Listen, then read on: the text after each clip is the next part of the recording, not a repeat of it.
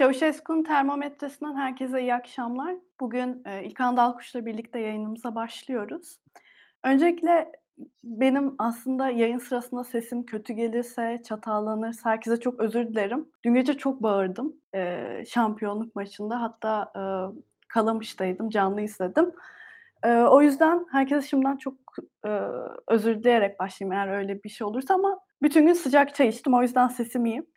Eee, öncelikle gerçekten çok büyük bir mutluluk yaşadık. Yani ben her, eee, sayıda herkes gibi çok çok mutlu oldum. Ya, bu aslında bu maç üzerinden sosyal medyada çokça tartışma oldu. İşte, eee, belli, işte, yok şöyledir, yok böyledir falan ama ben bunu asıl olarak Türkiye'deki kadınların başarılı olabileceğine dair bir, eee, önemli bir olay olarak görüyorum. Çünkü Türkiye'de kaç tane kadın patron var? Hani, bırakın dünyada kaç tane kadın patron var? Yani, bu bu ben çok çok önemli bir olay. Yani, bu kadının gerçekten başarılı olabileceğine dair çok çok önemli bir olay. Yani, tamam, Daktilo 1984'te gerçekten kadın haklarına çok önem veriliyor. Böyle politikalar var ama kaç tane Daktilo 1984 var? Yani, kaç tane insanların İlkan Dalkuç gibi yayın yaptığı, işte, sadece, işte, iş arkadaşından bahsetmiyorum, eşi, dostluk, yani kaç kişinin var? Şimdi şey diyebilirsin, işte, övüyor, işte, yayın yaptığı kanalı falan. Sizin de böyle, işte, yerlerde bulunursanız sizi översiniz. Yani böyle diyeyim. Yani gerçekten, eee, bu gerçi çok çok önemli bir olay. Bir de voleybol mesela ben bütün gün bu olayı düşündüm. İşte, sabah çok mutlu kalktım. Eee, işte, gerçekten herkes gibi çok mutlu kalktım, uyandım. İşte, herkes çok şey kutladı. Ya, şunu düşündüm, voleybol mesela tamam, tenis, yüzme bunlar da çok önemli sporlar fakat voleybolun şöyle büyük bir önemi var. Nasıl bir, işte, ekonomik sınıftan gelirseniz gelin, nerede olursanız olun, her zaman yapabileceğiniz bir spor. İşte, okul arasında, işte, mahallede, yani çok ulaşımı kolay bir spor. Bu yüzden de Türkiye'de gerçekten mesela ben kendimden önceki jenerasyonları bilmiyorum. Kendim biliyorum ve kendimden sonrası için her kadının bildiği bir spor neredeyse Türkiye'de. Bu yüzden de çok, eee, sembolik bir anlamı var. Ya, bir de mesela ben düşünüyorum, ben 10 yaşında başladım voleybola ve 14 yaşına kadar, işte, lisanslı bir şekilde oynamıştım okul takımında. O zamanlar biz mesela voleybol maçlarını takip ederken Türkiye'nin böyle büyük bir başarı elde etmesi bize çok uzak gelirdi. Bugün bu gerçek oldu ve ben şöyle düşünüyorum, işte, be 10 yaşında ya da daha genç yaşlardaki genç kadınların, hani, böyle bir başarıyı olabilitesini görmek bence çok şey fark ettiriyor. Başarı gerçekten, hani, kendinden yukarıdaki insanların, eee, başarılı olduğunu görmek insana başka bir öz güven veriyor. Bu yüzden ya, bu maç çok çok önemliydi benim için. Biz mesela bu yayınlarda 1 yıldır ben burada yayın yapıyorum ve bir sürü, işte, kötü yayın yaptık. Yani çok kötü gündemler, işte, depremler, yangınlar, siyasi, yani çok bazen yani tabii ki konuklarla alakalı değil ama yayın sırasında çok çok üzüldüğüm, hatta böyle yayını kapatıp ağlayasım geldiği zamanlar oldu ama bugün ne konuşsak konuşayım ben çok mutlu olacağım. Ya, bu hafta mut belki çok çok uzun süre mutlu olacağım. Bunun mutluluğu bile yeter bana diye düşünüyorum. İlkan, senin eklemek istediğin bir şey olur mu? Eee, yayınımızı izleyenler beğenmeyi, paylaşmayı unutmasınlar. Eee, Aybüke'nin hisleri, eee, yorumlarından öte, eee, duyguları, eee çok etkileyici ve gerçekten de, eee, şu var, eee, şunu görüyorsunuz mesela, birçok, ııı, noktada gerçekten Aybüke'nin dediği gibi, hani, erkekler önde ve erkekler önde olduğu için aslında kadınların, eee, ilgisi alakası da azalıyor birçok şeye. Yani, eee, bunu, bunu mesela, eee, kimi sanat alanlarında, kimi kültür alanlarında, kimi, işte, ekonomide falan görebilirsiniz aslında. Yayıncılıkta yine görebilirsiniz. Çünkü kadınlar kadınları görmek istiyorlar ve kadınların olduğu yerde kadınlar daha rahat olabiliyorlar. Ben, eee, bu son 2-3 yıllık süreçte mesela Twitter'da, eee, ben gece geç yatan bir insanım. Eee, ya, gecenin saat, eee, 3'ünde timeline'daki tüm kadınların online olduğunu gördüm ben. Absürt bir şey. Tüm arkadaşlara bir baktım, "Ya, neymiş?" falan dedim. Benim de haberim yok hakikaten ve voleybol maçı varmış. Yani şaşırmıştım yani ve, eee, şunu görüyorsunuz çünkü o insanları motive edecek şey hakikaten kendileri gibi gördükleri, kendilerinden gördükleri insanların orada olması, kadınların orada olması diğer kadınları da gerçekten motive ediyor ve o birliktelik duygusu yaşanıyor.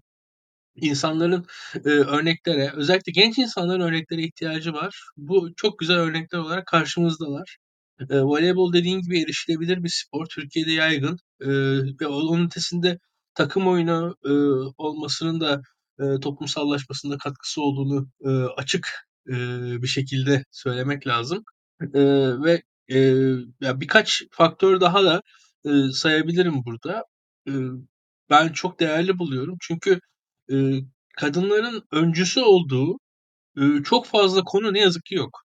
Yani şunu biliyoruz ki, eee, en azından ben eminim ki, eee, bu voleybol maçını daha çok kadınlar izledi Türkiye'de. Yani Türkiye'de herhangi bir organizasyonun böyle, eee, kadınların izlediği bir organizasyon sayımız çok az. Yani kadınların öncüsü olduğu, kadınların kadınlar yani voleybolu kadınlar oynuyorlar, kadınlar izliyorlar. Eee, ala hani tüm olay da esasen hani sahne kadınlara ait teknik olarak. Yani doğrusunu söylemek gerek. Kadınlar yorumluyorlar, Neslihan Dayner yorumluyor, işte Atilla İhsan Demir yorumluyor. İşte bakıyorsunuz, ııı, voleybolcularımız kadın, izleyenler kadın, kadınlar kadınlar için yapıyorlar bu işi. Eee, bunun, eee, değerli olduğunu düşünüyorum kendi adıma. Eee, tüm bu zaferlerin, başarıların da ötesinde, eee, böyle alanların, böyle sahaların, eee, artması gerek, o açık. Iıı, çünkü mesela daktilo için söyledim. Mesela biz de eksiğiz o konuda. Iıı, şunu da biliyoruz ki mesela ekranlarımızda daha fazla kadın olsa daha fazla kadın izleyicimiz de olur. Bunu teknik olarak biz gördük. Yani, eee, öyle ya da böyle evet ilgi ya kadınların daha az ilgilendiği konuları daha, ııı, mesele ediyor gibi bir kanal olabiliriz. Ama aslında bu tam sadece bundan ibaret değil. Şunu biliyoruz ki ekranlarımızda daha fazla kadın olduğu zaman daha fazla kadınlar tarafından izleniyoruz aslında.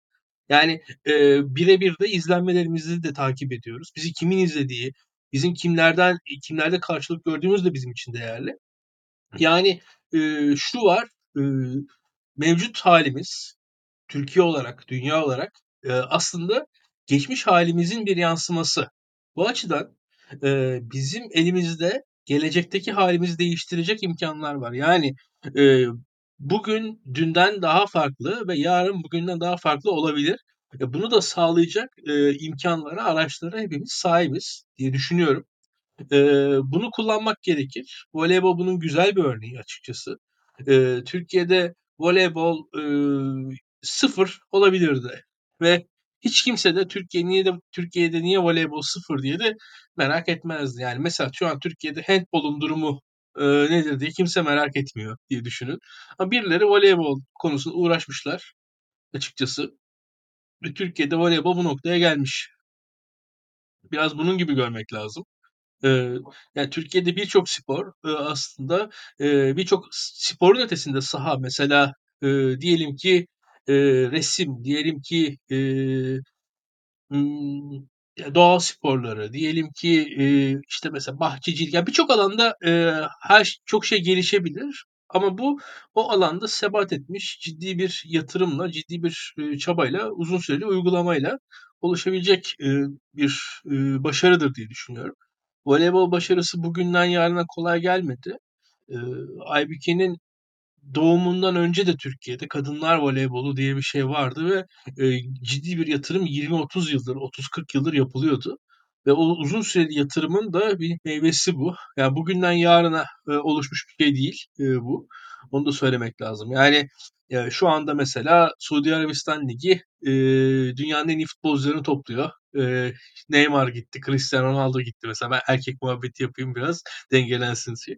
Yani ama bu bu o değil aslında bu başarı. Yani, eee, tam anlamıyla, eee, tam aksine uzun süreli, istikrarlı bir yatırım, eee, altyapıyla birleşmiş bir, eee, kültürün sonucunda, bu noktaya gelindi. Bu da çok değerli. Bunun kendisi başarı kadar başarının geliş biçimi de kıymetli diye düşünüyorum. Mesela eksik bir parça vardı. Herkes, eee, antrenörün yanlış olduğunu söylüyordu. Hakikaten ben o kadar bilmiyordum.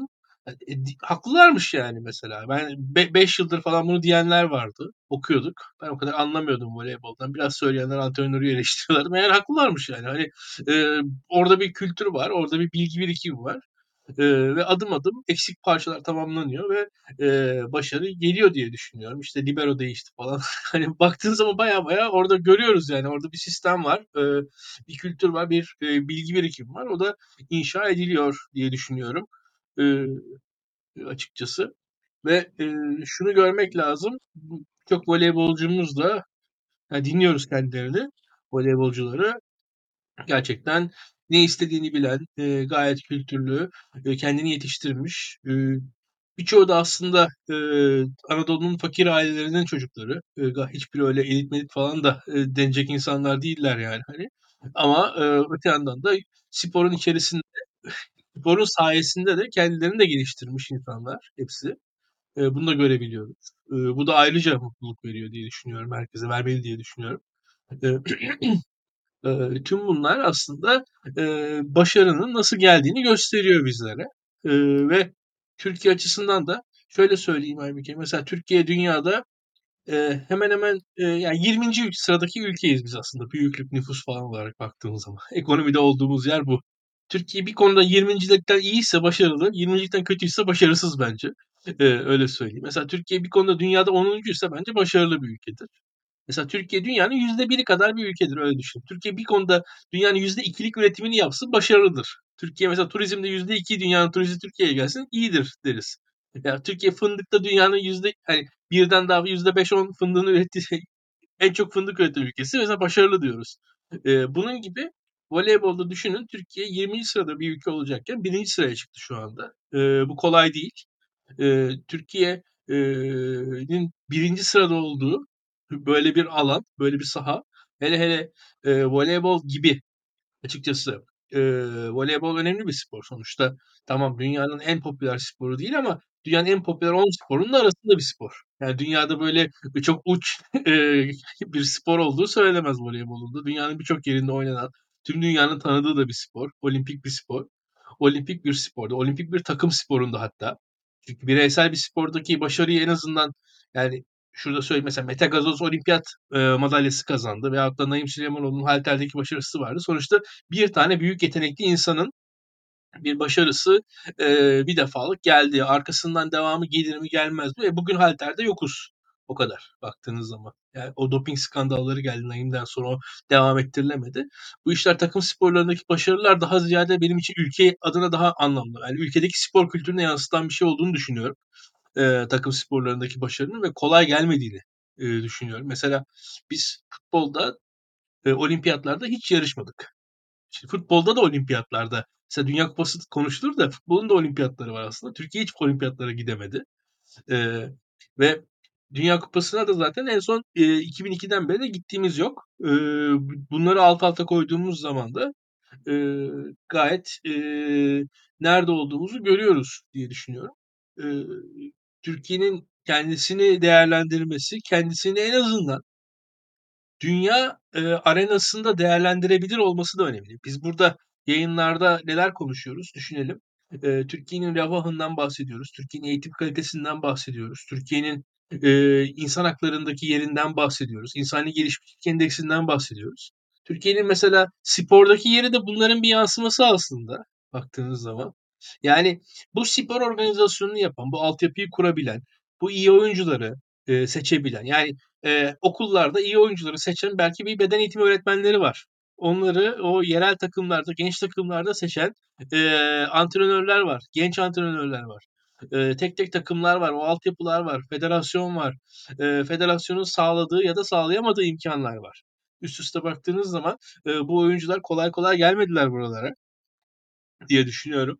Eee, ve bu, ııı, bu sistemin bir başarısı bir yerden sonra. Bu sistemin kurulması anlamlı, önemli. O sistemi kurmadan siz bu baş başarıyı elde edemiyorsunuz diye düşünüyorum, eee, açıkçası. Valla, eee, ben, eee, çok değerli buldum, çok değerli buldum. Hele hele ya, sporu seven bir insanım. Takım sporlarında bir başarı benim için çok daha anlamlı.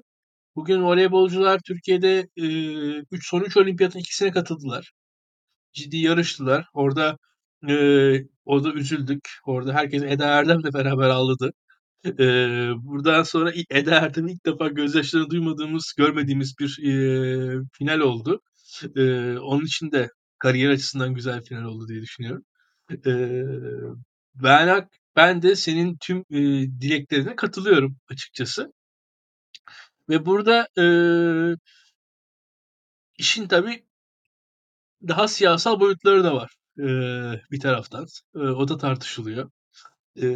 Ve benim adıma siyasal boyutlara gelmeden önce işin bu kültürel ve sportif boyutunun anlamlı olduğunu düşünüyorum. Organizasyonel olarak da anlamlı olduğunu düşünüyorum aslında. Belli sahalarda, eee, başarının nasıl elde edildiğini, nasıl geldiğini, nasıl uzun sürdüğünü, nasıl meşakkatli olduğunu bize gösteren bir şey. Yani öyle bedavaya bir başarı yok. Bir tane, eee, ekstrem birisi gelsin bizi kurtarsın öyle masal diyarı yok. Yani burada hatta, eee, bazıları işte Vargas geldik, şamp kazandık falan. Ya ş o kadar basit değil yani. Öyle Vargas'ı al transfer öyle bir kimseye dünya şampiyonluğunu vermezler yani. Ondan emin olabilirsiniz. Eee, öyle tek bir sporcuyla falan olabilecek iş değil. Öyle takımlar da daha önce voleybolda kuruldular, eee, az çok. Şimdi çok ukalalık olmasın. Birkaç tane hatırlıyorum devşirme olarak takım ama bu bu öyle bir takım değil ya. Onun da değerini bilmek lazım. Eee, dediğim gibi yani ben, eee, çok anlamlı gördüm. Çok anlamlı gördüm bu başarıyı, başarının kendisini ve şöyle söyleyeyim, kadınlara, eee, ilham verdiği kadar, Türkiye'nin genç hanımlarına, kadınlarına ilham verdiği kadar, eee, tüm Türkiye'ye ilham vermeli bu.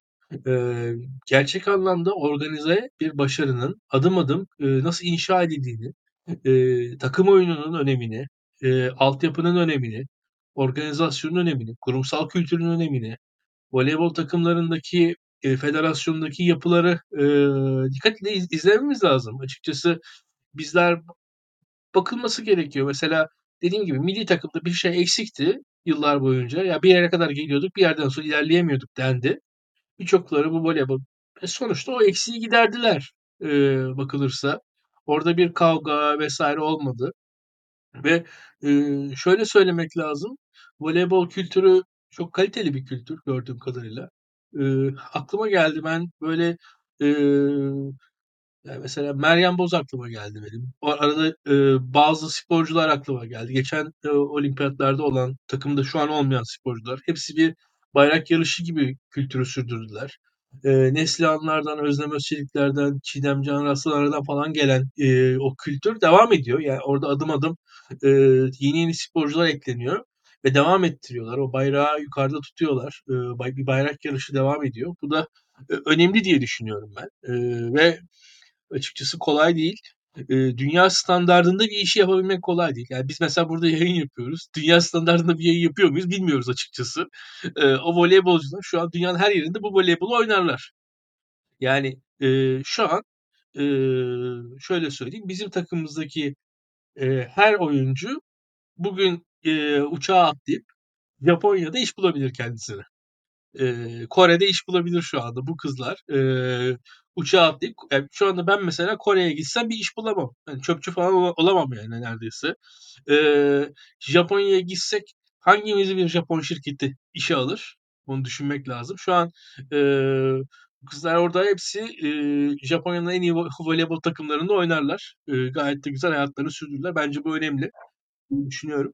Eee, bunun yanında gerçekten de, eee, kendisi başına var olan, eee, genç güçlü kadın imgesini de, eee, gerçekten oturttular ve, eee, takım oyunu olması da kadınlar arası işbirliğinin, eee, için ayrıca bir ilham kaynağı oldu diye düşünüyorum. Ya bir de, eee, bayrak yarışından, ııı, bahsetmiştin. Ya bu olayın aslında önemli kısmı birazcık da bayrak yarışı. Yani mesela Neslihan'dan bahsettin.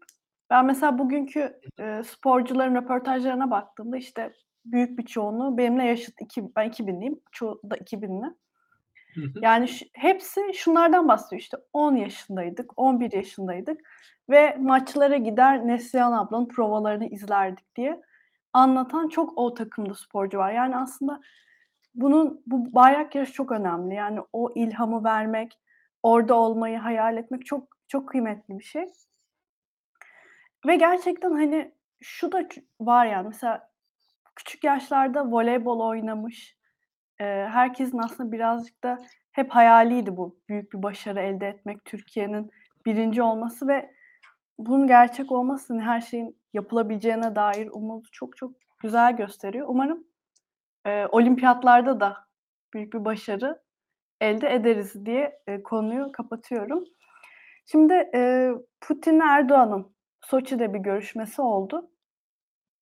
Eee, görüşme özellikle, eee, tahıl ambarı, eee, gaz anlaşması, eee, üzerine Erdoğan açıklamalarda bulundu. Ya, bu konu şu anlamda çok önemli çünkü biz seçim öncesinde, eee, Rusya'nın açıktan AK Parti, Erdoğan'a destek verdiğini, eee, açık açık görmüştük ki bu daha önce Rusya'nın diplomatik olarak hiçbir zaman yapmadığı bir şeydi.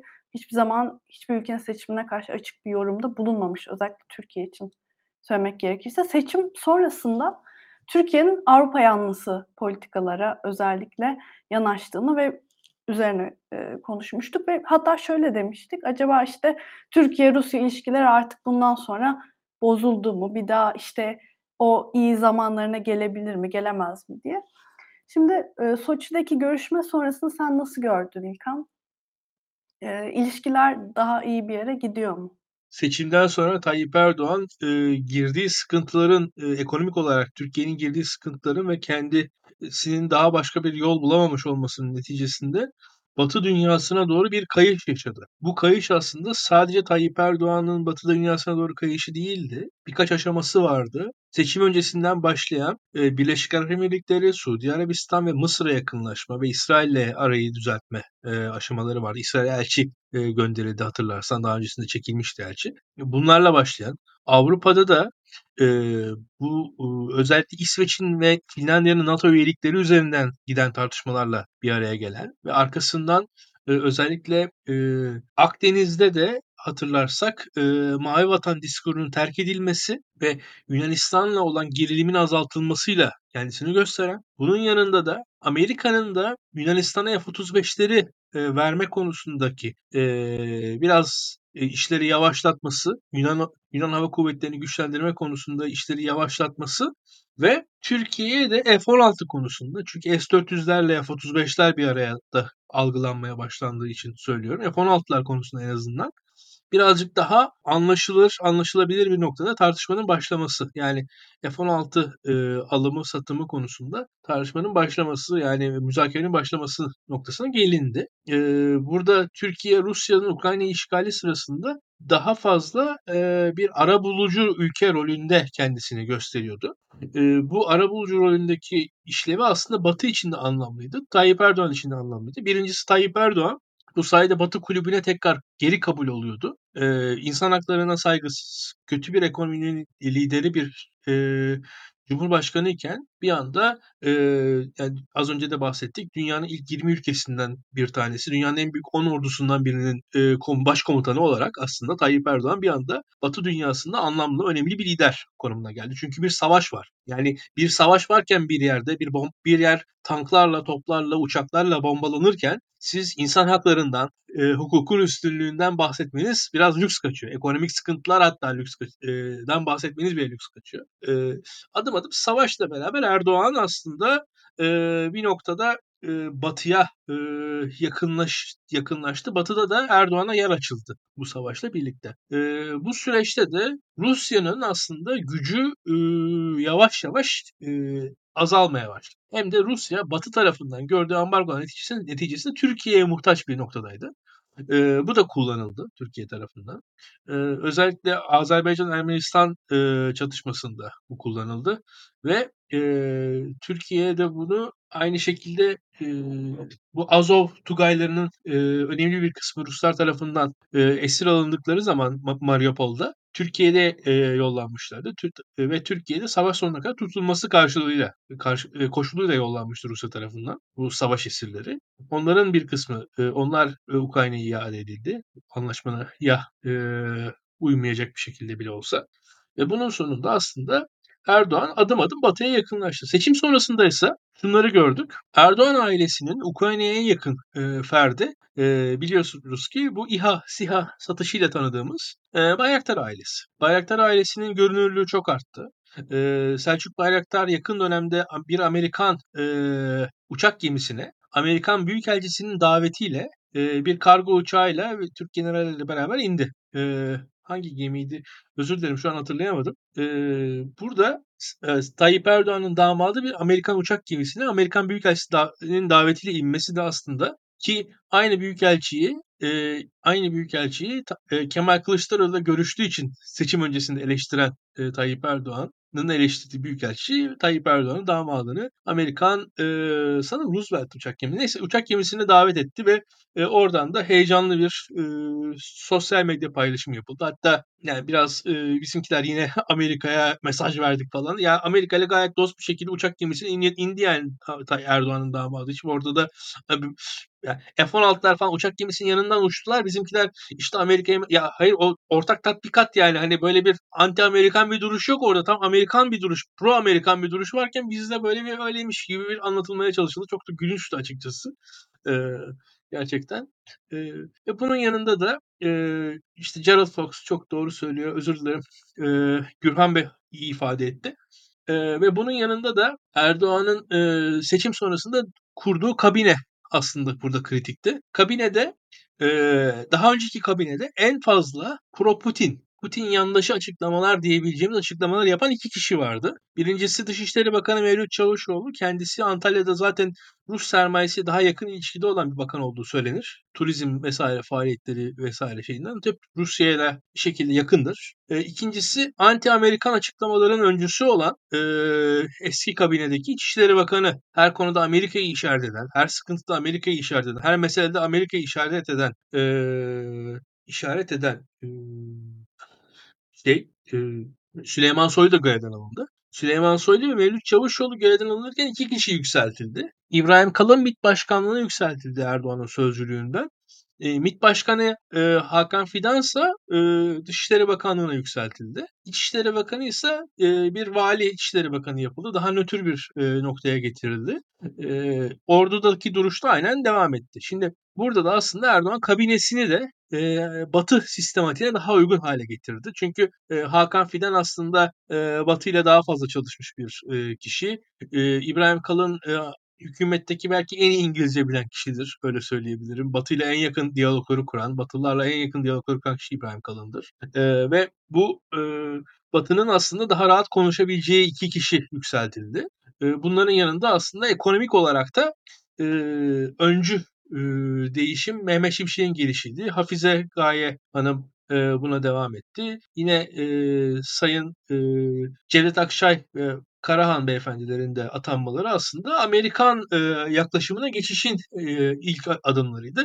Putin'in güçsüzlüğünden bahsetmiştik. Bu süreçte Tayyip Erdoğan Putin'in aslında e, zayıf anını Wagner isyanında da gördü ve bunu da kullandı. Çünkü bugün Rusya Türkiye'ye muhtaç sayılacak bir noktada birçok açılardan. E, o yüzden de e, Erdoğan Rusya e, Erdoğan'ı Rusya'ya nazı geçiyor. Bunu kullanıyor açıkçası. Ama ne Erdoğan ne Putin birbirlerinden vazgeçecek iki lider değil. İkisi de biliyorlar ki e, ikisinin de birbirlerine ihtiyacı var. Yani anti Erdoğan bir Putin Rusya'da çok daha zor ayakta kalır. E, yine aynı şekilde Erdoğan için Putin'le kurduğu ilişkiler de çok önemli. E, burada bir Erdoğan tarzı e, yaklaşım gördük. Aslında e, Sayın Aydın Sezer'in açıklamasıydı. O tahmin etmiş bu e, nükleer konusunda Sinop ihtimalini. E, benim açımdan da ben de ikna olmuştum açıkçası e, bu görüşmelerden.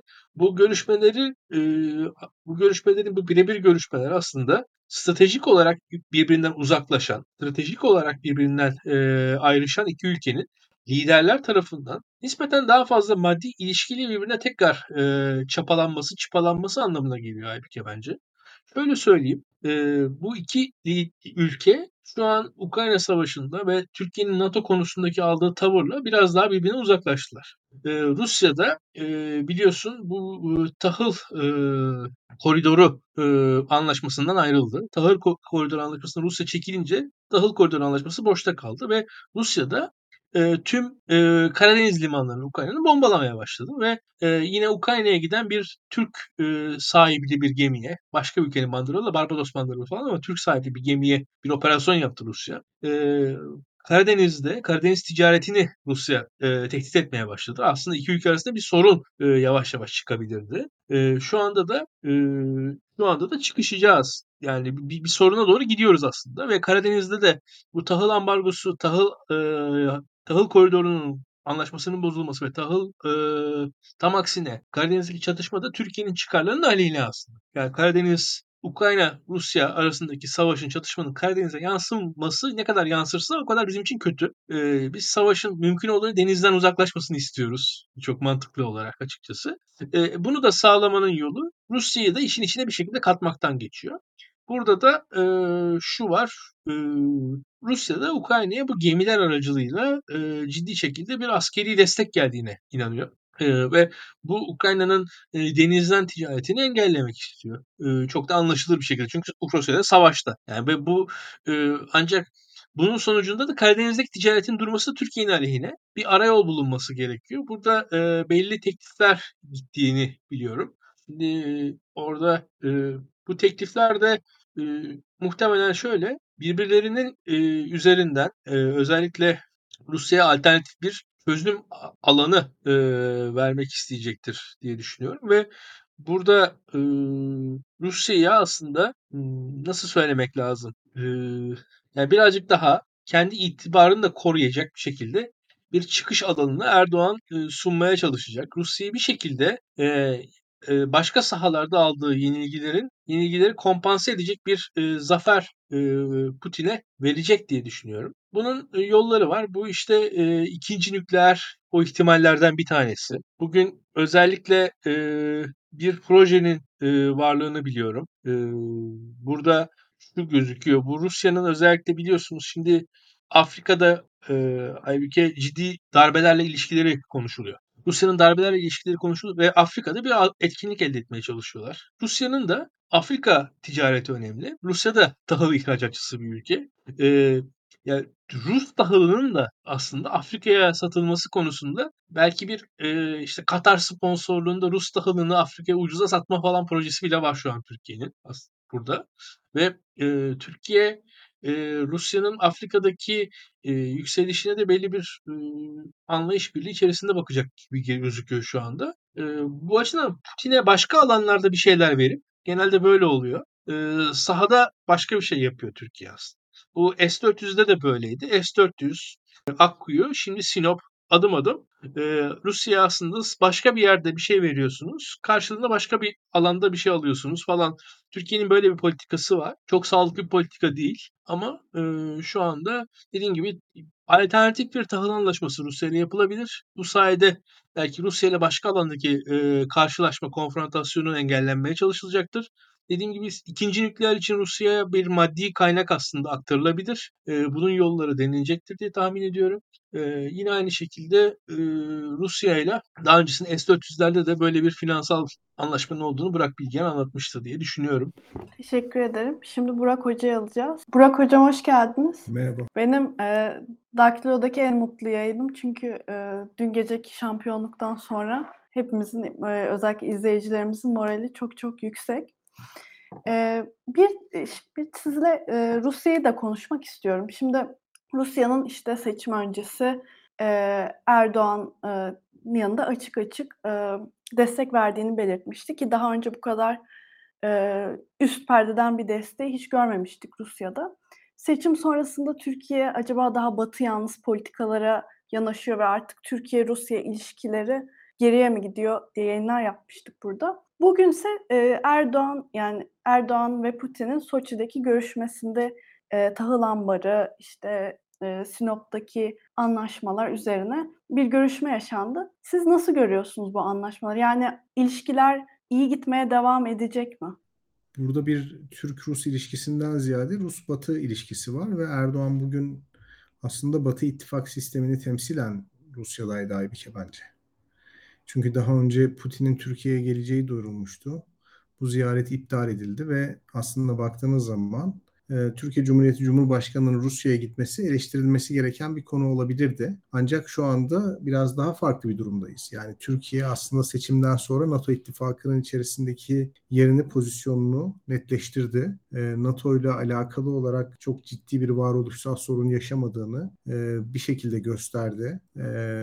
Ve şu anda tahıl koridoru anlaşmasını nihayetlendirmek için yani bu krizi çözebilmek için aslında sadece kendi ülkesinin çıkarları için değil aynı zamanda Batı ittifakının çıkarları için Rusya'da. Yani e, dediğim gibi biz Türk-Rus ilişkilerinden bahsetseydik e, eleştirilmesi gereken e, bir ziyaretten bahsediyorduk ama şu anda Erdoğan aslında başka bir şapkayla gitti e, Soçi'ye ve aslında bu önemli bir şey yani Türk dış politikası açısından çünkü NATO içerisinde ancak serbest oyuncu gibi Rusya ile de konuşabilen bir ülke rolünü oynamaya çalışıyor. Rusya ile olan sorunların çözümünde Türkiye hayati bir rol oynuyor. Bu sadece Batı ittifakının çıkarına olan bir şey değil. İlkan'ın da dediği gibi Rusya'nın da aslında çıkarına olan bir şey. Yani Türkiye gibi bir oyuncuya sistemde ihtiyaç var ki iki taraf sorunları bir şekilde çözebilsinler. Ya bunu söylemek lazım. Ee, onun dışında tabii asimetrik devam eden ilişkiler vardı. Yani Türk-Rus ilişkileri 2016 yılından sonra son derece asimetrik Rusya lehine ilerledi. Ancak Ukrayna Savaşı ile beraber bu tablo biraz tersine döndü. Ukrayna Savaşı ile birlikte Türkiye'nin Rus dış politikasındaki rolü, e,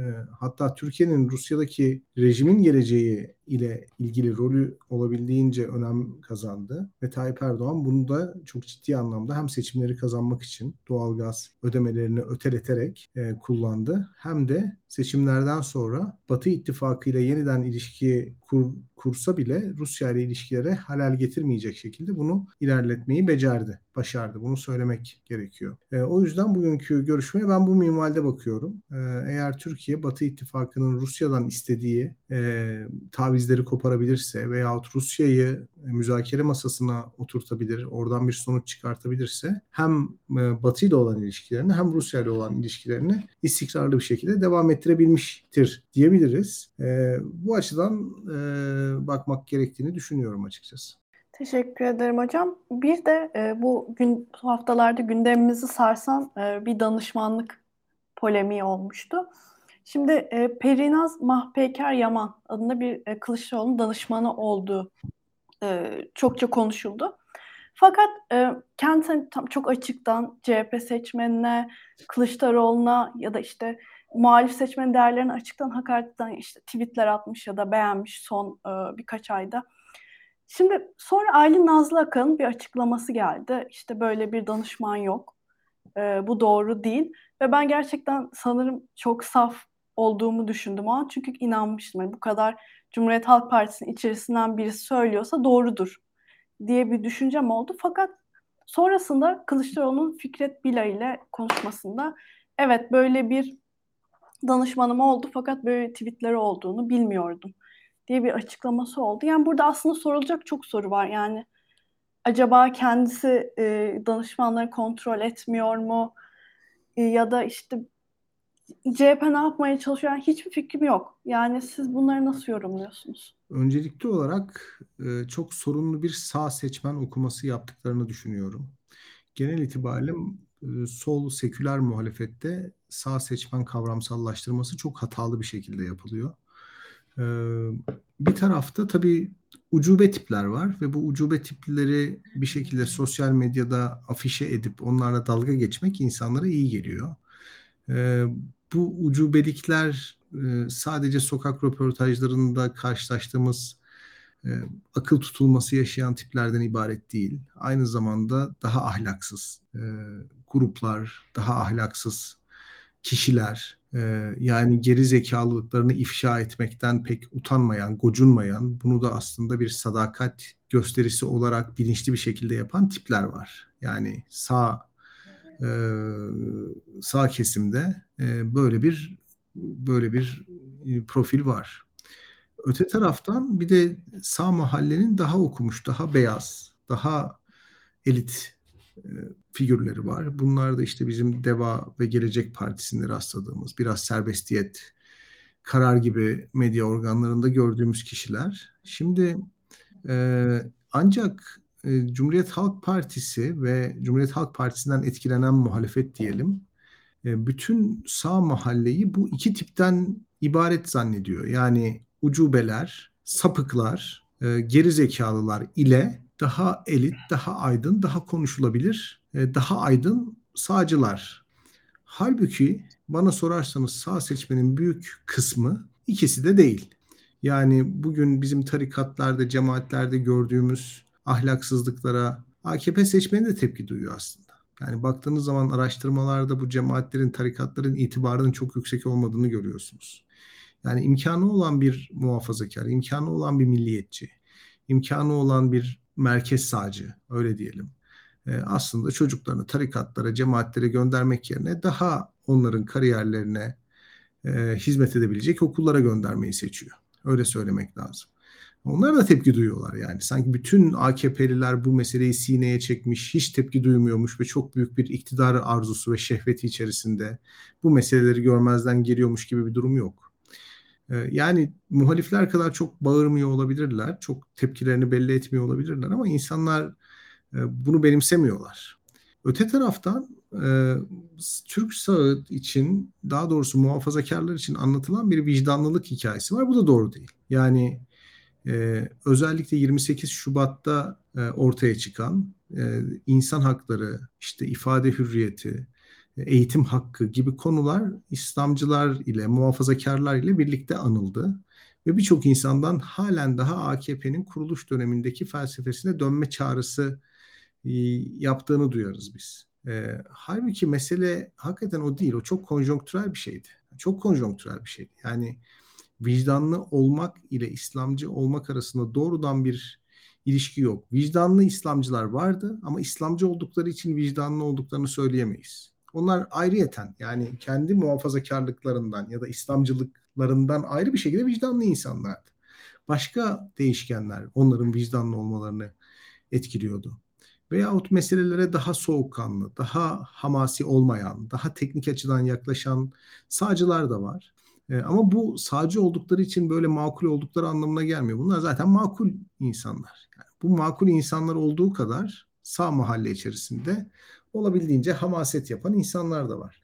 Fakat işte muhalefetin e, sağ seçmene böyle egzotik bir bitki muamelesi yapması ve gözüne çarpan iki prototip üzerinden ilerlemesi aslında çok büyük bir sıkıntı. E, yani ucubeler ve e, vicdanlılar arasında aslında ne ucube olan, ne ucubeleri destekleyen, ne de vicdanlı olan, ne de vicdanlı olmak gibi bir derdi olan aslında milyonlarca insan yaşıyor ve sağ partilere oy veriyorlar. Burayı yakalayamıyor aslında Cumhuriyet Halk Partisi. Bu insanları yakalayamıyor. Ve sürekli olarak seçimi kazanmak için sağ seçmenden oy alma zorunluluğu bir şekilde kendisini sıkıştırdığı için ve bu düşünce kendisini sürekli olarak e, ortaya koyduğu için ve bunalttığı için muhtemelen Cumhuriyet Halk Partileri ve muhalifleri e, buraya nasıl ulaşabileceklerine dair bazı yollar, bazı yöntemler arıyorlar. Şimdi altılı masayı çok eleştirdik. İşte bu deva gelecek partileri falan. Aslında yani orada e, evet yani Kemal Bey'in adaylığını meşrulaştırmaya çalışan bir mekanizma vardı ve bir tiyatro oynandı. Ancak öte taraftan ee, bir de Kemal Kılıçdaroğlu'nun sağ mahalleyi e, bir şekilde kendine çekme, o oyları kendine alma ve e, sağ siyaseti de tasarlama çabası da var. Bunu da görmek lazım. Yani eğer ben Deva ve Gelecek partilerini güçlendirirsem işte bu AKP yıkıldıktan sonra bu partilere gelir. Veyahut daha milliyetçi grupları Cumhuriyet Halk Partisi ile barıştırırsam e, işte Türkiye'de yeni bir milliyetçilik inşa edebilirim gibi. Yani böyle bir düşüncesi olduğu kanaatindeyim aynı zamanda. Ancak dediğim gibi bu çok sorunlu bir okuma. Çünkü Cumhuriyet Halk Partisi'nin işbirliği yaptığı sağcılar, yani bu sağcı danışmanlar, Deva ve Gelecek Partisi, işte ortaya koyduğu başörtüsü söylemi aslında sağ seçmenin ciddi anlamda ne ilgi gösterdiği figürler ne de sağ, sağ seçmenin e, gündemini meşgul eden konular bunlar. Yani sağ seçmen aslında apolitik, muhalif seçmenle çok benzer duygulara sahip, çok benzer kaygılara sahip, farklı şehirleşme, farklı eğitim ya da farklı kültürel atmosfer içerisinde bulunan insanlar. Fakat onları göbekten kesen ortak kaygılar var ve bir türlü buraya odaklanamıyor. Buraya odaklanmayı 2019 senesinde Ekrem İmamoğlu başarmıştı. Yani dikkat ederseniz Ekrem İmamoğlu aslında kendisi de bir sağcı ailenin çocuğu olarak çok da fazla e, sağcılığı temsil etme iddiasında olan insanlarla işbirliği yapma ihtiyacı duymadan, onlara paya vermeden, onları yanında yöresinde gezdirme zorunluluğu duymadan, onları uçağına almadan, onlara mülakat vermeden, yani o mahalleye sanki yabancıymış da kendisini sevdiriyormuş gibi çabalamadan bu insanların oyunu almayı başardı. Yani kabul edelim yani. Ekrem İmamoğlu'nun %55'lik oy potansiyeli içerisinde ciddi anlamda bir sağ seçmen potansiyeli var. Bunu kabul etmemiz lazım. Ve bunu yaparken Ekrem İmamoğlu aslında Kılıçdaroğlu'nun yaptığı, müracaat ettiği yolların hiçbir tanesine müracaat etmedi. Daha organik. Bütün bu insanları göbekten kesen yani apolitik sekülerlerle apolitik muhafazakarları e, işte ülke iyi olsun diye düşünen solcularla ülke iyi olsun diye düşünen sağcıları kendi çocuğu iyi okullarda okusun, ülke adaletli olsun, hak eden hakkını alsın diyen düz insanları aslında bir anlamda birleştirmeyi başarmıştı. O yüzden mesela İmamoğlu'nda böyle bir mesele yoktu. İmamoğlu'na duyulan alerjinin sebebi de o. Yani kimlik gruplarının kendilerini bir şekilde pazarlayacağı bütün enstrümanları aslında İmamoğlu onların ellerinden alıyordu. Yani seçimi kazanmak için Nihal Bengisu Karaca'yı bir şekilde genel merkezinizde ağırlamak zorunda değildiniz. İmamoğlu aday olsaydı. Çünkü Nihal Bengisu üzerinden Türk sahayla konuşma ihtiyacı ortadan kalkardı. Karar Gazetesi yazarlarına mülakat vermek zorunda değildiniz. Eski ülke ocağı başkanlarını toparlamak zorunda değildiniz. Onları konuş yani bu işleri aslında bütün bu komisyoncuları atlayarak Ekrem İmamoğlu kendi kişisel karizmasıyla ve aslında sağ seçmene verdiği ben de sizdenim vibe'ı ile o sinyal ile halledebiliyordu. Fakat Kemal Bey öyle değil. Yani Kemal Bey sağ bir mahalleden gelmiyor. E, Kemal Bey sağ seçmene yabancı. E, aslında Kemal Bey genel itibariyle seçmene yabancı. Yani çünkü hayat bürokraside geçtiği için. Dolayısıyla o sağ seçmenden oy alabilme stresini giderebilmesi için sürekli olarak kendisini bu seçmen grubunun temsilcisi olarak gören insanlarla aynı karelerde buluyor. Mesela kendisi Alevi diye video çektiği zaman Ahmet Davutoğlu hopluyor ve Sünni diye bir video çekiyor. Sanki Sünnilerin temsilcisiymiş gibi. Sanki muhafazakarların temsilcisi ama öyle bir şey yok mesela. Yani aslında e, o sadece Ahmet Davutoğlu'nun kendine atfettiği bir sıfat. Yok çünkü ölçemiyoruz. Yani oy yok. Parti üye sayısına bakıyoruz. Öyle bir şey yok. Araştırmalarda çıkmıyor. E, fakat bir şekilde Ahmet Davutoğlu Türk sağını Kılıçdaroğlu'na kanalize etme görevini kendisinde buluyor. Bu sadece Davutoğlu'ndan Babacan'dan ibaret değil. İşte böyle irili ufaklı çok fazla insan var. Eski ülke ocakları başkanları mesela. Bu Bozkurt Kemal tiyatroları. Yani bu insanların söyledikleri şey eğer kurulacak iktidarda bize de pay verirseniz biz Kemal Bey sizin adaylığınız için işte daha muhalif ülkücüleri, daha muhalif milliyetçileri size doğru çekebiliriz. Ama böyle bir şey yok. Yani onların böyle bir gücü yok. Öyle söylemek lazım. Yani eski ülke ocağı başkanlarını dinleyip de Kemal Kılıçdaroğlu'na oy vermeye karar veren bir milliyetçi profili yok. Bunu söylemek lazım. O sağcılaşma meselesi buradan ortaya çıkıyor. E, geçenlerde de yazdım. Mesela İyi Parti ile aslında bunu aşabilirdi muhalefet. Ama İyi Parti'ye bu payeyi vermek yani sağ oyların İyi Parti'de toplanmasına izin vermek Kemal Bey'in adaylığını bizzat tartışmaya açacağı için yani İyi Parti ile simetrik bir müzakere et, müzakere başlatmak Kemal Bey'in adaylığının önünde yeni engeller, engeller doğuracağı için Kemal Bey bu bariyeri yani İyi Parti bariyerini hakikaten baktığınız zaman Mansur Yavaş'la aşıyor. Mansur Yavaş'ın kontrol ettiği milliyetçi gruplarla aşıyor. Deva ve Gelecek Partisi ile aşmaya çalışıyor. Eski Büyük Birlik Partisi e, geçmişi olan danışmanlarla açmaya çalışıyor. Ya çok enteresan insanlar var aslında Kemal Bey'in yanında. Yani Kılıçdaroğlu'nun sağcıları diye bir makale yazılabilir, bilinir. Ee, işte ne bileyim eski devletin böyle terörle mücadele e, psikolojisini çok iyi bilen eski bürokratlar, askerler falan bunların hepsi Kemal Bey'in yanında. Yani bunlarla aşmaya çalışıyor. Fakat aşabildiği şey bu insanların kariyer özlemini gidermek. Yani bu insanlar aslında yeniden sisteme girmek istiyorlar ve kendilerini büyük bir toplum kesiminin temsilcisi olarak satıyorlar Kemal Bey'e. Kemal Bey de bunu alıyor. Aldıkça da ortaya çok amorf bir yapı çıkıyor yani. Bir tarafta HDP'nin destek verdiği, bir tarafta terörle mücadele konusunda kitap yazan önemli hani ismi establishment'la beraber anılan isimler Kemal Bey'in yanında. Ya bir tarafta eski ülke başkanları var, bir tarafta Türkiye İşçi Partisi falan var. Ya çok enteresan, amorf bir yapı ortaya çıkıyor ve günün sonunda çok da karakterini kimsenin algılayamadığı, herkesin durduğu noktadan aslında Kemal Bey'i kurduğu hani bir milliyetçi olarak Kemal Bey'i başka kurduğunuz, bir Kürt olarak başka kurduğunuz, bir Alevi olarak başka kurduğunuz, başka tanımladığınız bir durum ortaya çıkıyor. Ve aslında bu o bahsettiğim apolitik sağ seçmen için hiçbir anlam ifade etmiyor. Ya Bilgehan mesela bazen şeyi düşünüyorum. Biz böyle ya Türkiye'deki liberal zümrelerin temsilcisi olarak kendimize öyle bir şey yapsak biz de oraya gireceğiz. Yani tam anlamıyla. Çok hakikaten e, orada e, şu var e, yani dediğin birçok şeye katılıyorum. Bir kısmı belki daha tartışılır şeyler ama şu açık net Kemal Kılıçdaroğlu'nun siyaset yapma tarzı e, sürekli bir kendinden menkul e, önderlerle konuşmak. Yani bir top böyle işte STK temsilcisi e, STK nedir diyorsun? Bir kişi zaten. Adının derneği kurmuş hiçbir şeyi Evet. temsil etmeyen bir Yani insan. mesela bir Yani liberalizm kongresi düzenleseydik, Kemal Bey'i de davet etseydik, Kemal Bey'in adaylığına da destek çıksaydık, Kemal Bey bizimle konuşarak Türkiye'deki liberalleri ki Türk sağının aslında bir çok ılımlı da olsa bir koludur yani hani çok e, baktığınız zaman hani aslında Türkiye'de liberalizm sağdan biraz neşet etmiş bir şeydir. E, o yani bir şekilde bizim üzerimizden liberallere uzandığını düşünebilirdi ve hani o liberalizm kongresini tertip eden, düzenleyen, organize eden kişi Kemal Bey'le düzenli bir şekilde görüşebilirdi ve milletvekili olabilirdi. Çok zor bir şey değildi yani. Anlatabildim Doğru mi? doğru. Yani bu, bu işler böyle oluyor zaten Böyle yani oluyor hakikaten işler e, tabii. biraz komik ama e, yani buradan işte e, kongre düzenleyecek arkadaşlara da önerilerde bulunabiliriz açıkçası. Tabii. E, biraz acı ama Türkiye siyaseti böyle. E, Kemal Kılıçdaroğlu açısından ben birazcık daha ileri gideceğim. E, ya işin kötü tarafı şu. Ya Türkiye'de bir Bilgehan mesela işi daha fazla siyaset, toplum, toplumu okuma, toplumun istekleri, toplumun bakışları üzerinden değerlendirdi. Haklı mı? Haklı.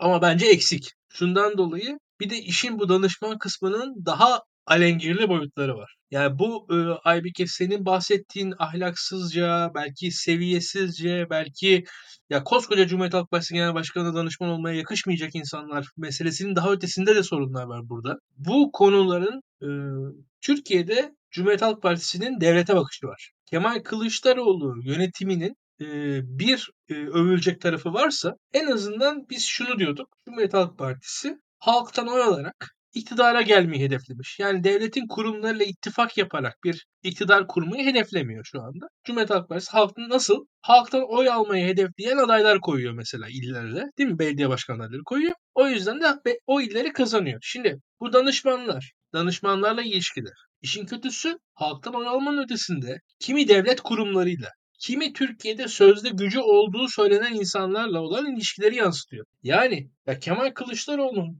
övüldüyse övülmesinin sebebi şuydu. Ya işte CHP artı ordu, CHP artı yargı eşittir iktidar. Bu formülleri bir kenara atmış.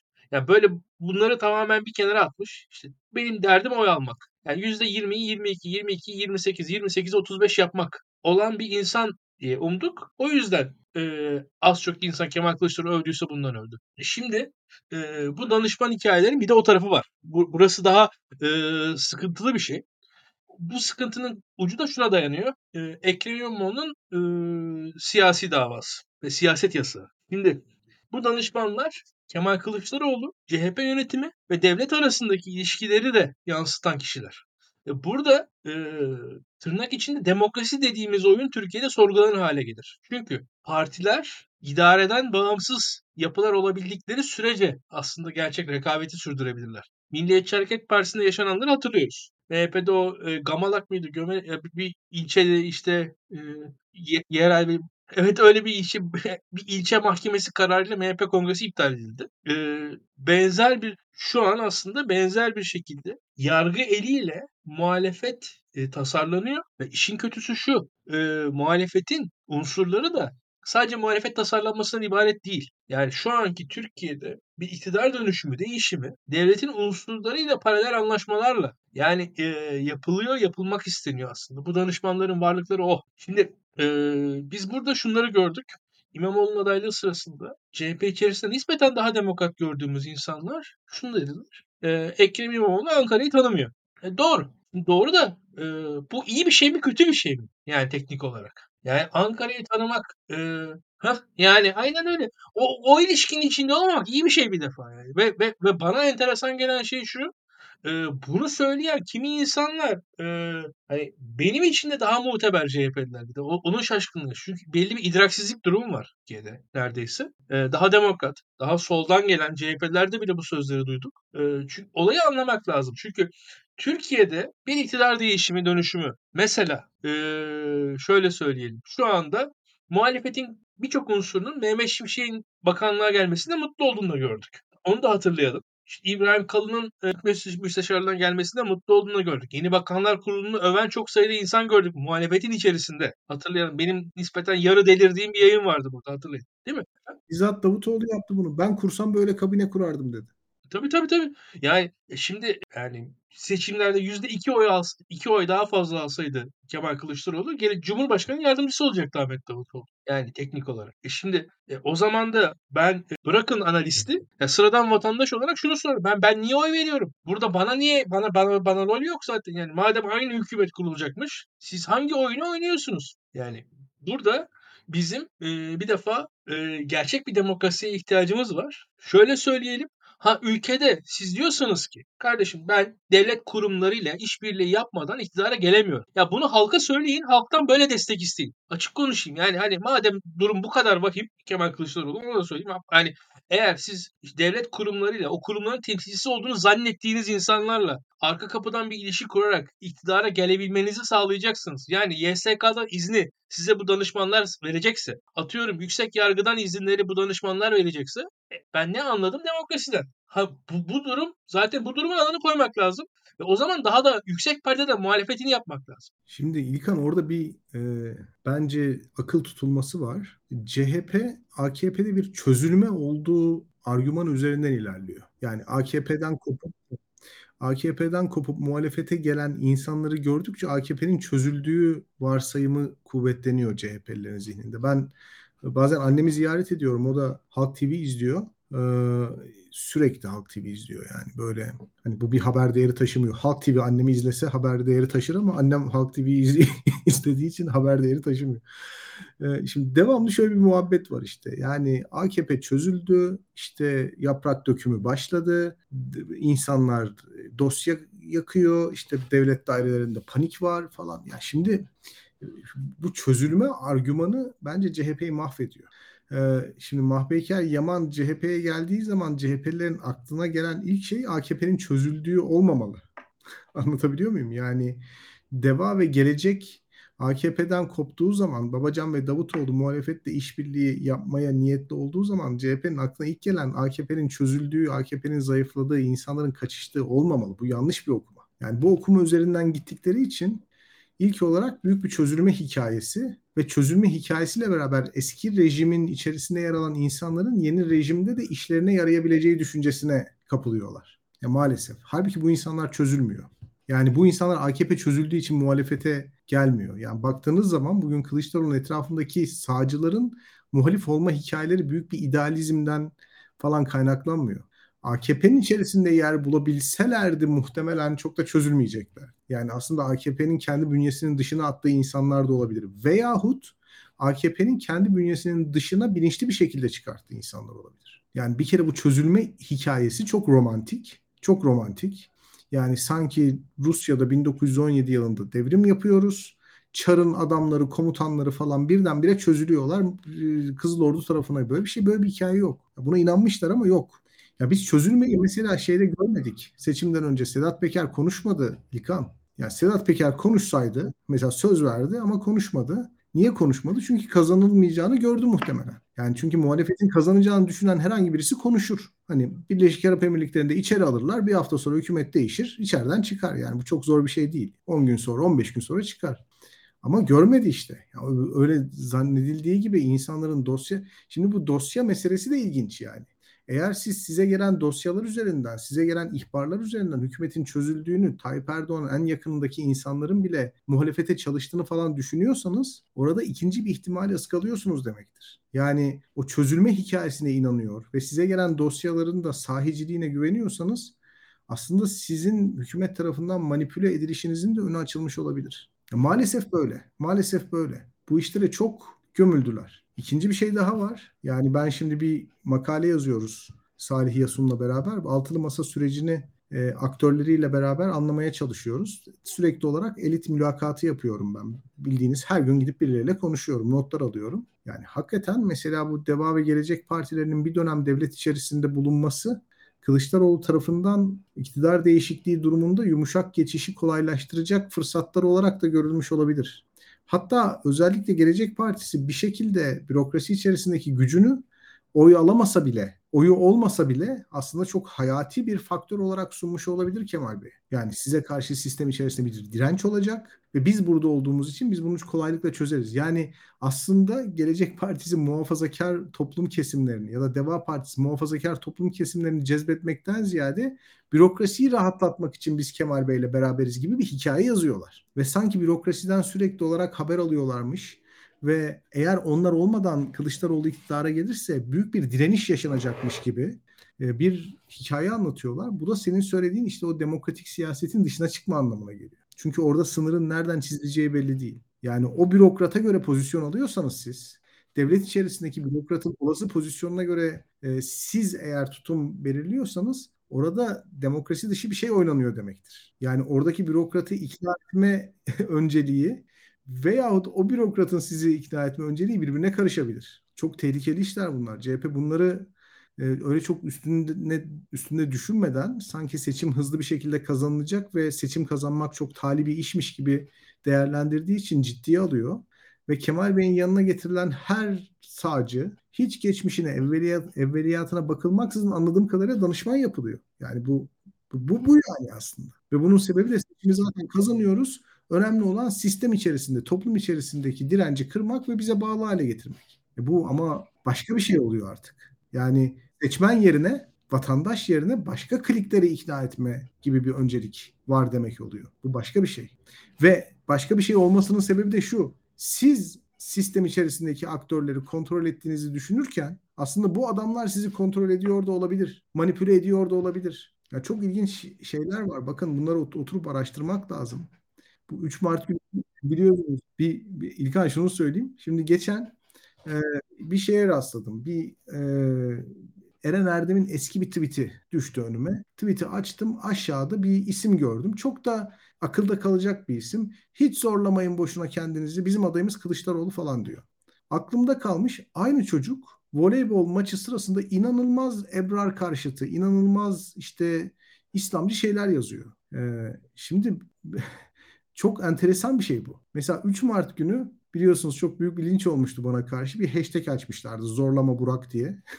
İşte bana gönderdiler onu. Ya bu hashtag'in peşine düştüğümüz zaman biz e, doğrudan AKP'li hesapları bulduk. Yani burada yüzleşmemiz gereken bir şey var. Türkiye Cumhuriyeti muhalefetinin başkan adayı belirleme sürecinden söylemlerine kadar, eylemlerine kadar, muhalefetin kadrosuna kadar hükümet manipüle etmiş olabilir. Pardon sözüm. Tamamen katılıyorum. Ee, ve şöyle söyleyeyim. Ben ee, yani demokrat bir insan sayılırım. Aç ama açıkçası daha öncesinde gerçekçi bir insanım. Ee, durum da buysa hani o, o yapılır.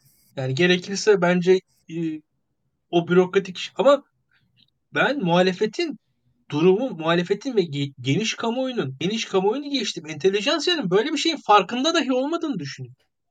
Yani İlla. açıkçası ben seçimin öncesinde e, Deva ve Gelecek Partisi'nin bürokrasideki yansımaları falan filan diye bir şeyler yazdığım zaman tepki çek görüyordum. Yani hani madem e, biz ama bir yandan da birileri böyle bir pazarlık yapıyor. Yapıyor. Ama o pazarlıktan kimsenin haberi yok. Kimsenin de haberi yok öyle bir pazarlık olduğundan. Sanki hiçbir sorun yokmuş gibi davranılıyor. Yani e, o zaman e, şöyle bir durum var. Mesela e, biraz şöyle söyleyeyim. Mesela Refah Partisi'ne e, üye olan generaller vardı zamanında. Şimdi baktığınız zaman. E, Refah Partisi üye olan generallerin oradaki anlamlarını birçok kişi bilirdi ve onlar öyle üye olurlardı. Şimdi şu an ne oluyor? Kimse farkında değil.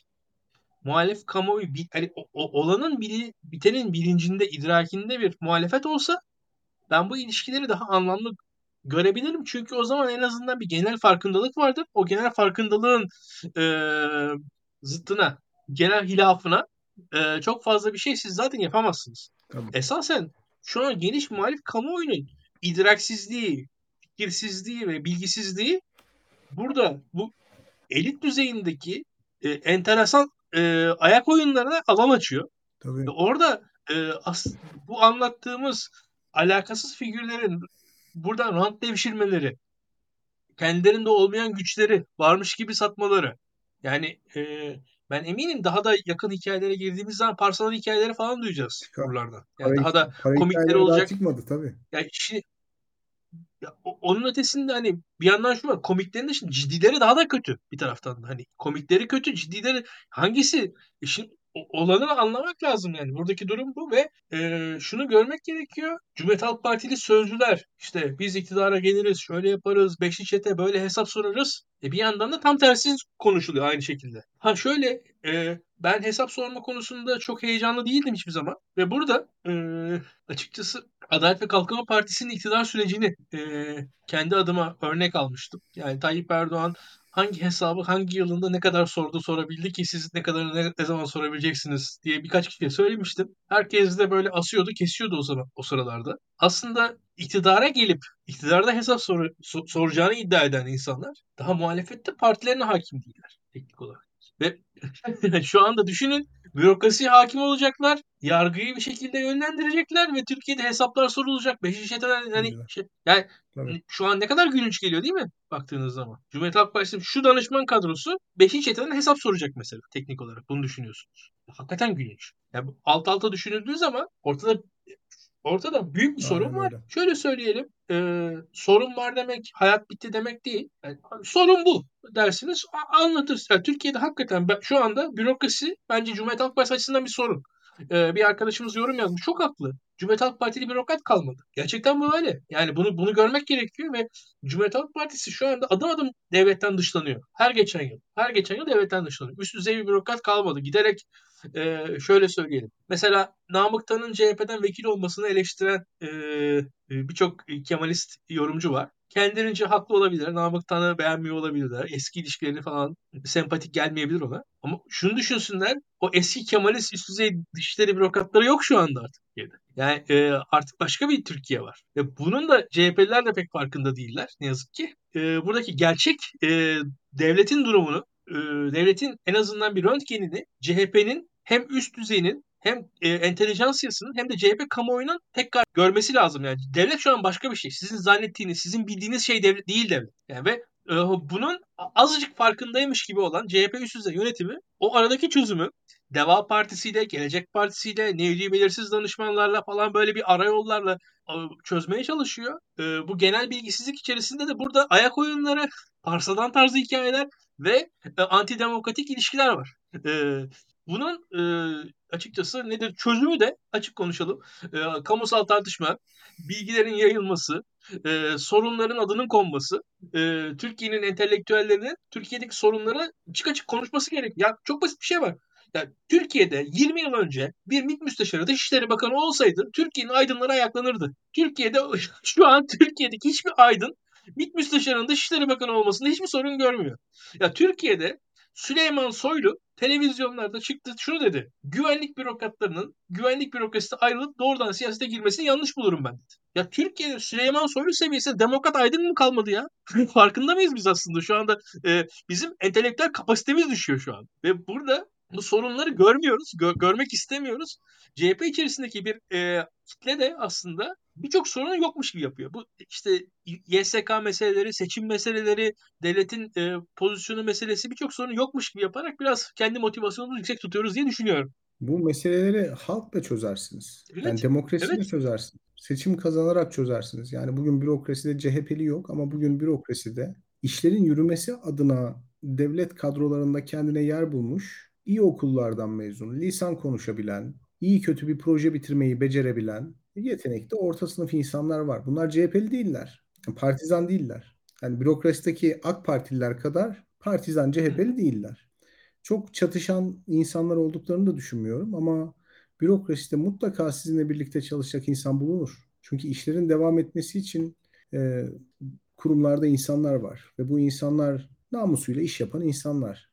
CHP'li değiller, İyi Partili değiller ama neticede bu cumhuriyetin çocukları yani okudular, KPSS'ye girdiler, iyi kötü sistemde kendine yer buldular. Yani iktidara geldikten sonra sizinle çalışmak isteyen dürüst, namuslu insan bulursunuz. İlla bürokrasiyle temas etmek için bu tip komisyonlara, komisyonculara yakanızı kaptırmak zorunda değilsiniz. Yani işin iki boyutundan bahsediyoruz. Bir halk boyutu, oy alamadıkları çok net bir şekilde ortaya çıktı yani. Sağ seçmene ulaşamıyorlar. Ee, ikincisi bürokrasi boyutu. Onun da Yani bürokrasiyi mi bu adamlar kontrol ediyor yoksa bu adamları mı bürokrasi kontrol ediyor? O son derece şaibeli. Belli değil yani. Yani Mayıs ayına kadar AK Parti'yi savunmuş bir insan Cumhuriyet Halk Partisi Genel Merkezi'nde resmi yetkilerle genel başkan danışmanı oluyor. Genel başkan adına görüşme yapma yetkisine sahip oluyor. Genel başkan adına bazen açıklama yapması yapma yetkisine sahip oluyor. Bu, bu çok vahim bir şey. Arkadaşlar çok vahim bir durum.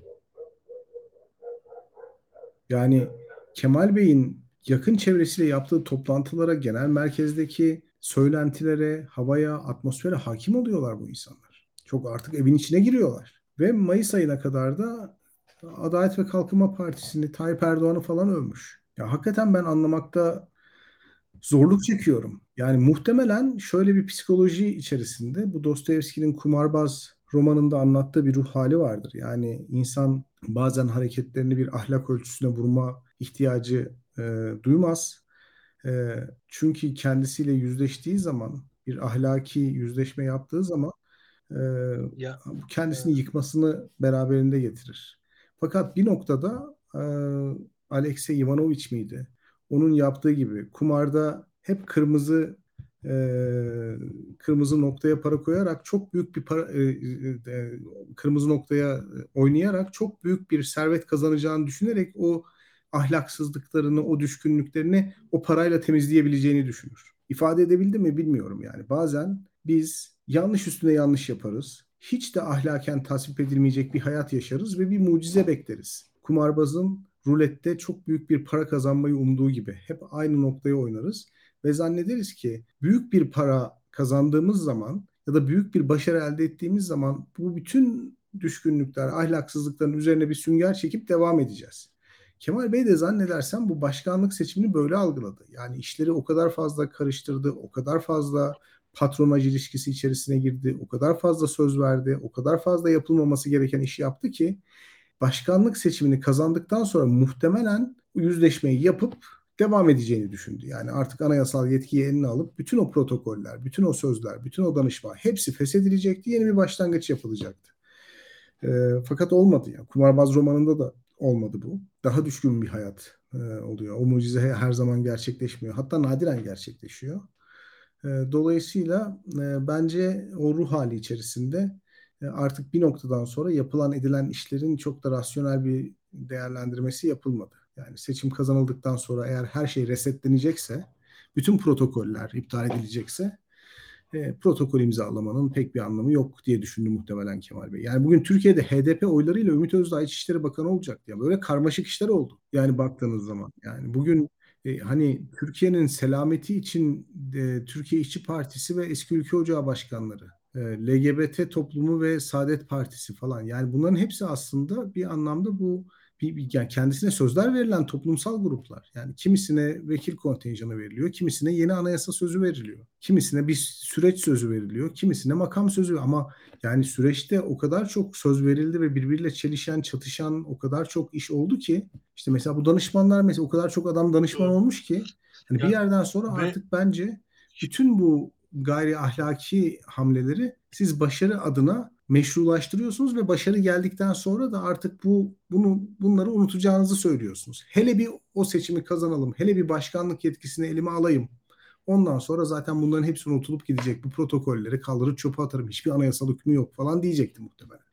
Bütün bunlar seçim kazanılmadığı için konuşuluyor bu arada. Sevgili arkadaşlar. Yani seçim kazanılsaydı biz bütün bu hamlelere büyük bir akıl atfedecektik. Ya biz derken bizim program değil, toplum olarak. Yani 28 boyutlu satranç oynadı. İşte Nisan sonuna kadar Tayyip Erdoğan'ı öven bir kadına danışman yaparak bilmem X aşiretinin oylarını topladı falan. İşte HDP oyunu da aldı, Zafer Partisi'ni de bağladı falan diyecektik yani. Ama seçim kazanılmadığı için yani o mucize gelmediği için rulette e, taş onun seçtiği numaraya oturmadığı için biz şu anda büyük bir felaketten, gayri ahlaki durumdan bahsediyoruz. Teşekkürler Burak Hocam. Şimdi yayınımız bir buçuk saate geldi. Yayını kapatmadan önce İlkan son olarak eklemek istediğin bir şey olur mu? Şu an son yarım saatte konuştuklarımızı düşünürken birkaç yayın önce Cumhuriyet Halk Partisi'ndeki değişimin ideolojik temelleri hakkında falan e, adaylardan e, açıklamalar isteyen e, insanları falan eleştirdiğim zamanı hatırladım. Yani Türkiye'deki sorunları görmek lazım. Türkiye'yi iyi okumak lazım. Türkiye'yi iyi anlamak lazım ki e, buradan bir en azından reçete çıkartalım, teşhis çıkartalım. Bazen Türkiye'de realiteyi okuyamayan insanlar, önünü göremeyen insanlar aslında e, önünü göremedikleri için çok teorik konuşmaya başlıyorlar. E, çok böyle ilkelerle konuşmaya başlıyorlar. Bir anda e, ama o ilkelerle konuşma, o soyut konuşma aslında tam bir ilkesizliği kapatma anlamına geliyor. E, realitenin çok dışında insanlar, Türkiye'nin gerçeklerinin çok dışında insanlar. E, bu, bu konuda şöyle söyleyeyim yani e, Habermas'ın hep söylüyorum yani güncel Amerikan ama güncel Alman siyasetini analiz ettiği yazıları var. Böyle adam e, işte Helmut Kohl şunu yaptı falan diye de yazı yazıyor yani. Çünkü dünyasının farkında olan bir adam. Böyle bizde sanki e, kapasitesiz yazarlarımız büyük filozoflar gibi e, konuşmaya çalışıyorlar. Gülünç. Yani e, günlük konuşmaları, e, grup konuşmalarını okuyamayan insanlar Türkiye hakkında, dünya hakkında e, büyük felsefi yorumlar yapmaya kalkıyorlar. E, dediğim gibi bu tarz büyük yorumlar yapan insanlardan uzak durmak lazım. Mesela e, dediğim gibi voleybol takımının zaferine sevinip geçmek gerekiyor. Bu günlük şeyi bile okuyamayan insanlar olduğu gibi Türkiye'de.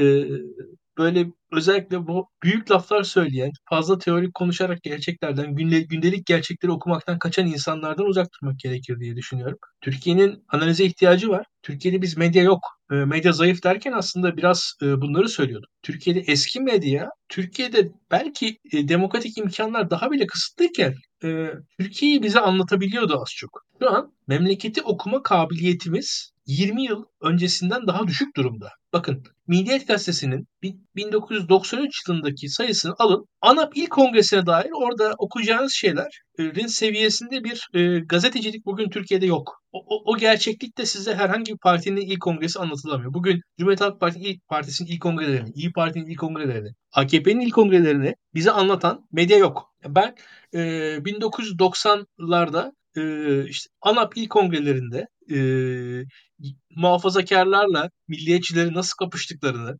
oradaki tırnak içinde liberallerin nasıl milliyetçiler ittifak yaptığını, hangi il kongresinin hangi e, kanadın kazandığını Milliyet Gazetesi'nin siyasi e, siyaset sayfasında okuyabiliyordum 1990 senesinde. Semra Özal'ın adaylığı, o, o adaylığın İstanbul ANAP örgütünde yarattığı hareketlenmeyi çok daha iyi takip ediyordum. Bugün Türkiye'de kimsenin kimsenin hiçbir şeyden haberi yok yazar dediğiniz insanlar, akademisyen dediğiniz insanların çok çoğunluğu çok düşük bir bilgi seviyesinden konuşuyorlar. Ve e, dediğim gibi e, birçok refleks aslında kaybolmuş durumda. Refleks yok. Yani Süleyman Soylu Türkiye'deki birçok aydından daha demokratik refleks veriyor. Komedi bir şey var. Yani e, hala şaşkınlığı içerisindeyim.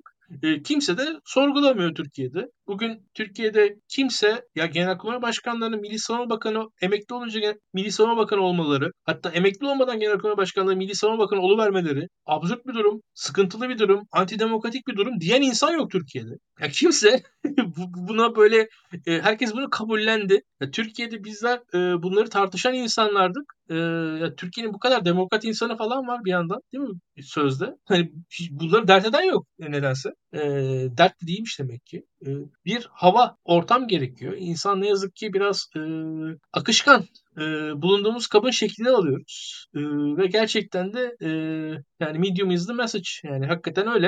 E, biz de medyanın kaybı neticesinde e, açıkçası oyun hamuruna dönmüş bir e, entelijansiye ile karşı karşıyayız. E, işimiz zor. E, ciddi şekilde herkes uğraşması, bilgiye erişmesi lazım. E, kolay e, değil bunlar. Bilgehan bugün baktığı zaman işte mülakatlar yaptığını anlatıyor. Ya Türkiye'de çünkü medya yok. Yani medyanın işini de akademisyen yapıyor neredeyse. Yani baktığınızda çok gülünç bir durum var şu anda. Ya eskiden şu ya ben şunu düşünüyorum. Yani bir tarihçi 1990'ları anlamak için 90'lar medyasını açsa okusa neler elde ederdi? E işte 2023 Türkiye'sini anlamak için gazeteleri okuyan e, 2000 diyelim 70'in tarihçileri neler elde edecekler? E, ya bu, bunu düşündüğüm zaman hakikaten aklım karışıyor. Türkiye'de olan bir tane. Bunları ekleyeyim sadece. Burak Hocam, sizin son olarak eklemek istediğiniz bir şey olur mu? Yani teorik tartıştığını düşünen insanların çoğu teorik tartışmıyor. Çünkü teori aslında yani pratikte gerçekleşen bir bir ilişkiyi açıklar, açıklamaya çalışır. Yani asla gerçekleşmemiş ve gerçekleşmesi aktörlerinin e, doğasına çok da uygun olmayan ilişkileri ahlak adına meşrulaştırmaz. Yani bunun ismi teori değildir. Ahlaki bir noktadan durup mesela şöyle olsa güzel olur. Neden olmasın? İnanırsak olabilir.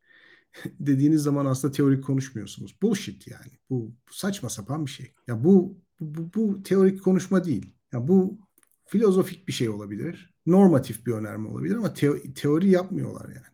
Çünkü dediğim gibi hani mesela evrim teorisi dile getirildiği için evrim gerçekleşiyor. Yani evrim diye bir şey var ve biz onu açıklamaya çalışırken evrim teorisini buluyoruz. Öyle değil mi? Ama evrim var. Yani çünkü bir olayı gözlemliyoruz, ilişkilere bakıyoruz. Dolayısıyla hani evrim teorisi üzerine konuştuğunuz, evrim üzerine teorik konuştuğunuz zaman evrim teorisinden bahsediyorsunuz. Farklı yorumlar olabilir bunun. Ama neticede hiç olmamış bir olguyu olsa bize mutluluk vereceği için ya da bizi daha tatmin edeceği için varmış gibi göstermenin ismi başka bir şey. Teorik konuşma değil. O illüzyon. Hani anlatabiliyor muyum? Yani seçimden önce de gördük bunu. Halen daha görüyoruz. Yani aslında teorik konu yani İlkan'a katılmadığım nokta teorik konuştuğunu düşündüğümüz insanların çoğu teorik konuşmuyor. Yani keşke teorik konuşsalar. Ya hocam e, teorin e, teori kim bunlar kim Allah aşkına yani hani açıkçası e, teori dediğiniz teoriyi konuşmak için günceli bir defa iyi anlayacak insanlar, onun ötesinde daha üst seviye insanların konuşacağı bir şey. Tabii. Bunlar haddini aşarak teori konuşur gibi yapıyorlar. Tabii. Tamamen katılıyorum. Teori falan Yani teori konuşmak bunların ne haddini? Ya önünü göremeyen insanlar Allah aşkına yani hani şey gibi e, ya, kayık kullanamayan insanlar Atlantik'i geçebilir mi? Biraz bunu hatırlatıyor bana. Doğru. Yani sanki e, Irmak'ta bu olacak insanlar Kristof Kolomb muamelesi yapılıyor şu an. Gülünç bir durum hakikaten. Çok çok doğru. Çok doğru. Ben bunun için de söyleyeceğim bir şey yok halbuki. Tüm izleyicilerimize çok teşekkür edelim. Herkese iyi akşamlar diliyorum. İyi akşamlar. İyi akşamlar.